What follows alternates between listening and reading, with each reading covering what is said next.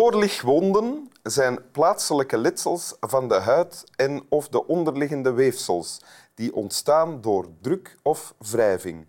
Ze komen vooral voor op plaatsen waar er weinig weefsel zit tussen het bot en de huid, zoals de hielen of de zijkant van de heupen. Doorlichtwonden zijn niet te verwarren met doorlichthonden.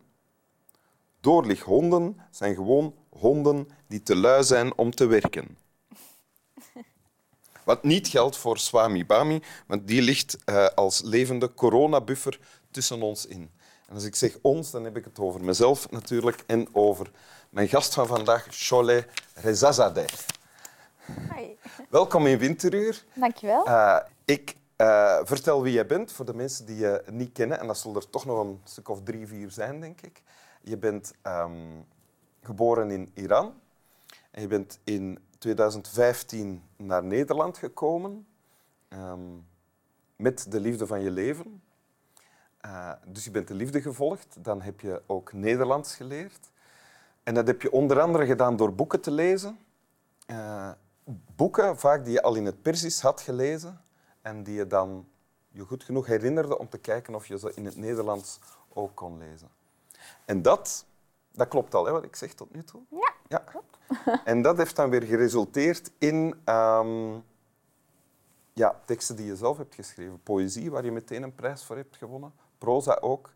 En een debuutroman die gelijk ook de Bronzen Uil Publieksprijs heeft gewonnen. De hemel is altijd paars.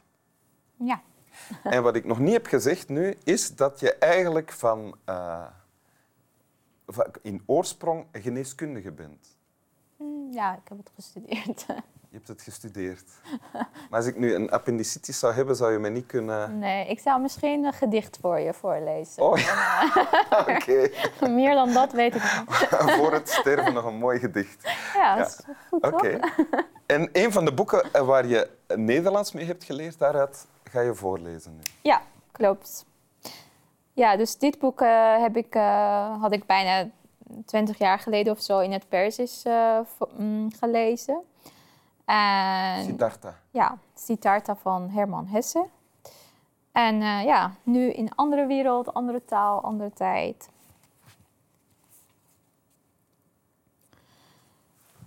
Heb jij dit ook van de stroom geleerd? dat er geen tijd bestaat. Ja, Siddhartha, zei hij. Je bedoelt toch dit? Dat de stroom overal tegelijk is, waar hij ontspringt en waar hij zijn monding heeft. Bij de waterval, bij het veer, bij de stroomversnelling, in de zee en in de bergen, overal tegelijk. En dat er voor hem alleen een heden bestaat en niet dat droog begrip dat toekomst heet? Ja, dat bedoelde ik, zei Siddhartha. En toen me dat duidelijk was geworden, zag ik dat ik mijn leven ook als een soort stroom moest zien. Hier was het de knaap Siddhartha die van de man Siddhartha en van de grijsaard Siddhartha alleen door een droog begrip gescheiden werd gehouden niet door iets wat werkelijk bestond. Op dezelfde wijze dienden Siddhartha's vroegere geboorte niet als verleden gezien te worden en zijn dood en terugkeer niet als toekomst. Niets was, niets zal zijn.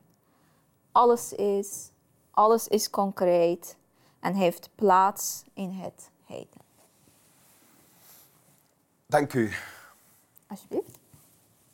Wat staat hier? Ja, heel veel. Ja? maar vooral uh, dat uh, alles is hier en nu. Um, een van de dingen mij, die mij opviel toen ik uh, in Nederland kwam wonen, was dat ik zag dat hoe mensen de hele tijd bezig mm, zijn met toekomst, met plannen, met, uh, ja, met, uh, met iets die nog niet is gekomen. En, en met heel volle agenda's dan ook? Ja, agenda's voor minimaal, ik weet niet, half jaar of zelfs een jaar later, die helemaal vol is. Eh, ja, en dat, eh, dat viel me heel erg op. Ehm, en ehm, dus... ehm, en, en, en in mijn eh, nieuw boek eh, wil ik ook daarover hebben. En, ik, eh, en daar, daardoor dacht ik, ik ga ook een rivier als symbool, als eh, metafoor gebruiken voor, voor, voor, voor dit thema. En zo kwam ik weer bij Herman Hesse en bij Siddhartha en bij, bij dit stuk. Ja. Dat, Maar over de rivier wordt hier gezegd, de rivier is niet de monding of de bron, maar Alles. de rivier is de monding en de bron en alles wat ertussen zit. ja, Net zoals jij bent, wie je was als kind van twee jaar. Ja. En ook al de vrouw die je zal zijn wanneer je tachtig bent. Dat is Als. allemaal... Dat is, ja, fijn, als we daarvan uitgaan. Eh, Ja. ja, zeker. Ja, en ook een soort van dat ehm, ja, verleden bestaat niet meer en toekomst bestaat nog niet. Dus alles wat wij hebben is nu. En dat is eigenlijk het allerbelangrijkste dat wij soms gewoon vergeten. Soms vergeten op het moment te zijn en te leven en te genieten van wat er nu is. vergeet jij dat dan ook? Ja, soms wel.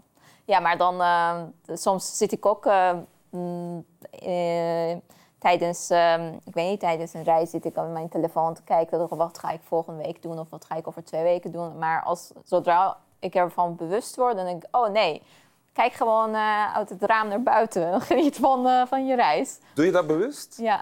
Want je bent nu met de trein naar hier gekomen. Ja. Ook, hè? ja, het was de hele tijd regen en eh, best donker. Maar toch heb ik alleen maar geprobeerd om naar buiten te stralen. ja? En is dat moeilijk? In het begin wel, maar dan als je een beetje gewend raakt, dan is het mooi. Dan, ja. Ja. En uit het raam staren staat dan in tegenstelling tot zitten scrollen de hele tijd natuurlijk. Hè? Want dat is Ja. het beeld van het tegenovergestelde, denk ik. ja, zeker. Ja. Scrollen of gewoon denken over ja, wat, eh, wat zijn alle mijn plannen voor een, kom- een komende week of maand of jaar. In, in de stroom zijn, hè, zoals de rivier, ehm, betekent loslaten eigenlijk ook. Hè? Ja. Klopt dat? Ja. Ja, zeker. Loslaten en niet eh, zorgen maken. ja. Wat je wel in extreme mate moet doen, denk ik, als je als volwassen mens toch al verhuist van eh, Ja. ja, de andere kant van de wereld bijna, of toch een heel andere cultuur, een ander soort leven, met, met een andere taal ook, Ja. andere manier van, andere omgangsvormen enzovoort, naar hier. Ja, zeker. Ja. Ja, en ook vooral wat is eh, voor mij in het schrijven is gebeurd, dat ik moest ook soort van mentaal ook eh, loslaten. Of ehm, niet dat, ja, het is, ik probeer soms ook een beetje combinatie maken van Nederlands en Persisch. En dan te zien dat wat alle mooie kanten ze allebei hebben en dan kunnen met elkaar combineren. Maar, Als je ehm, zegt met mentaal loslaten en dat combineren, gaat het dan ook over ritme en, en melodie van de taal? Of waarover gaat het dan? Mm, nee, maar ook vooral dat eh, het, ik denk het ehm, Nederlands en het Persisch zijn echt extreem heel anders. En ook vooral die manier van denken of iets zeggen, dat is ook heel anders. Dus in, in, het, in, in het Nederlands probeer je alles zo eh, kort en direct eh, en helder mogelijk te zeggen. Ja? En in het Persisch is het eigenlijk andersom. Je probeert alles zo lang, zo ingewikkeld, zo anders te zeggen. Ja? Dus, eh, dat, som, dat, ja, dus eh, dat, dat heeft voordelen en ook nadelen. Maar wat ik, eh, wat, ik, mm, wat ik denk dat ik heb gedaan of ik doe, is dat ik probeer gewoon alle twee een beetje in elkaar te mengen. En dan waardoor ja, toch, toch iets uitkomt die, mm, ja, die niet te droog is als Nederlands, maar ook niet te zoet als eh Persisch. Dus Oh ja. ehm, iets, eh, iets Zo, zoals, zoals je nu praat, ervaar ik jouw manier van communiceren toch voornamelijk als heel helder. En dat Ah, ja. vind ik zelf ook na te streven. ja, ik ben dan ook van hier natuurlijk. Ja. Ja. ja. ja.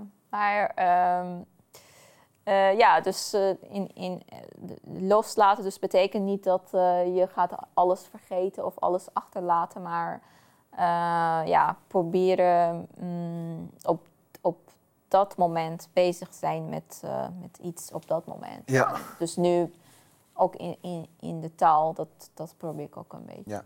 en nu hier is dat dit gesprek, deze hond en deze meneer. Ja, Ja. Wil je het nog eens voorlezen? ja zeker.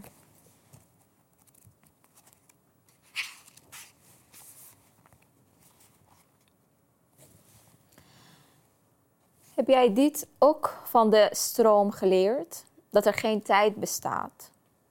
Ja, Siddhartha, zei hij. Je bedoelt toch dit? Dat de stroom overal tegelijk is.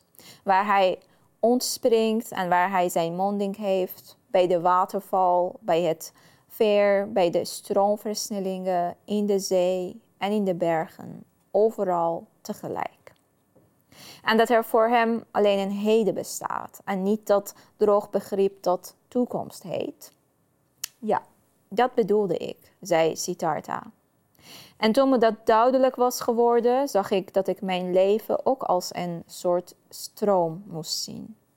Hier was het de knaap Siddhartha die van de man Siddhartha en van de grijsaard Siddhartha alleen door een droog begrip gescheiden werd gehouden niet door iets wat werkelijk bestond.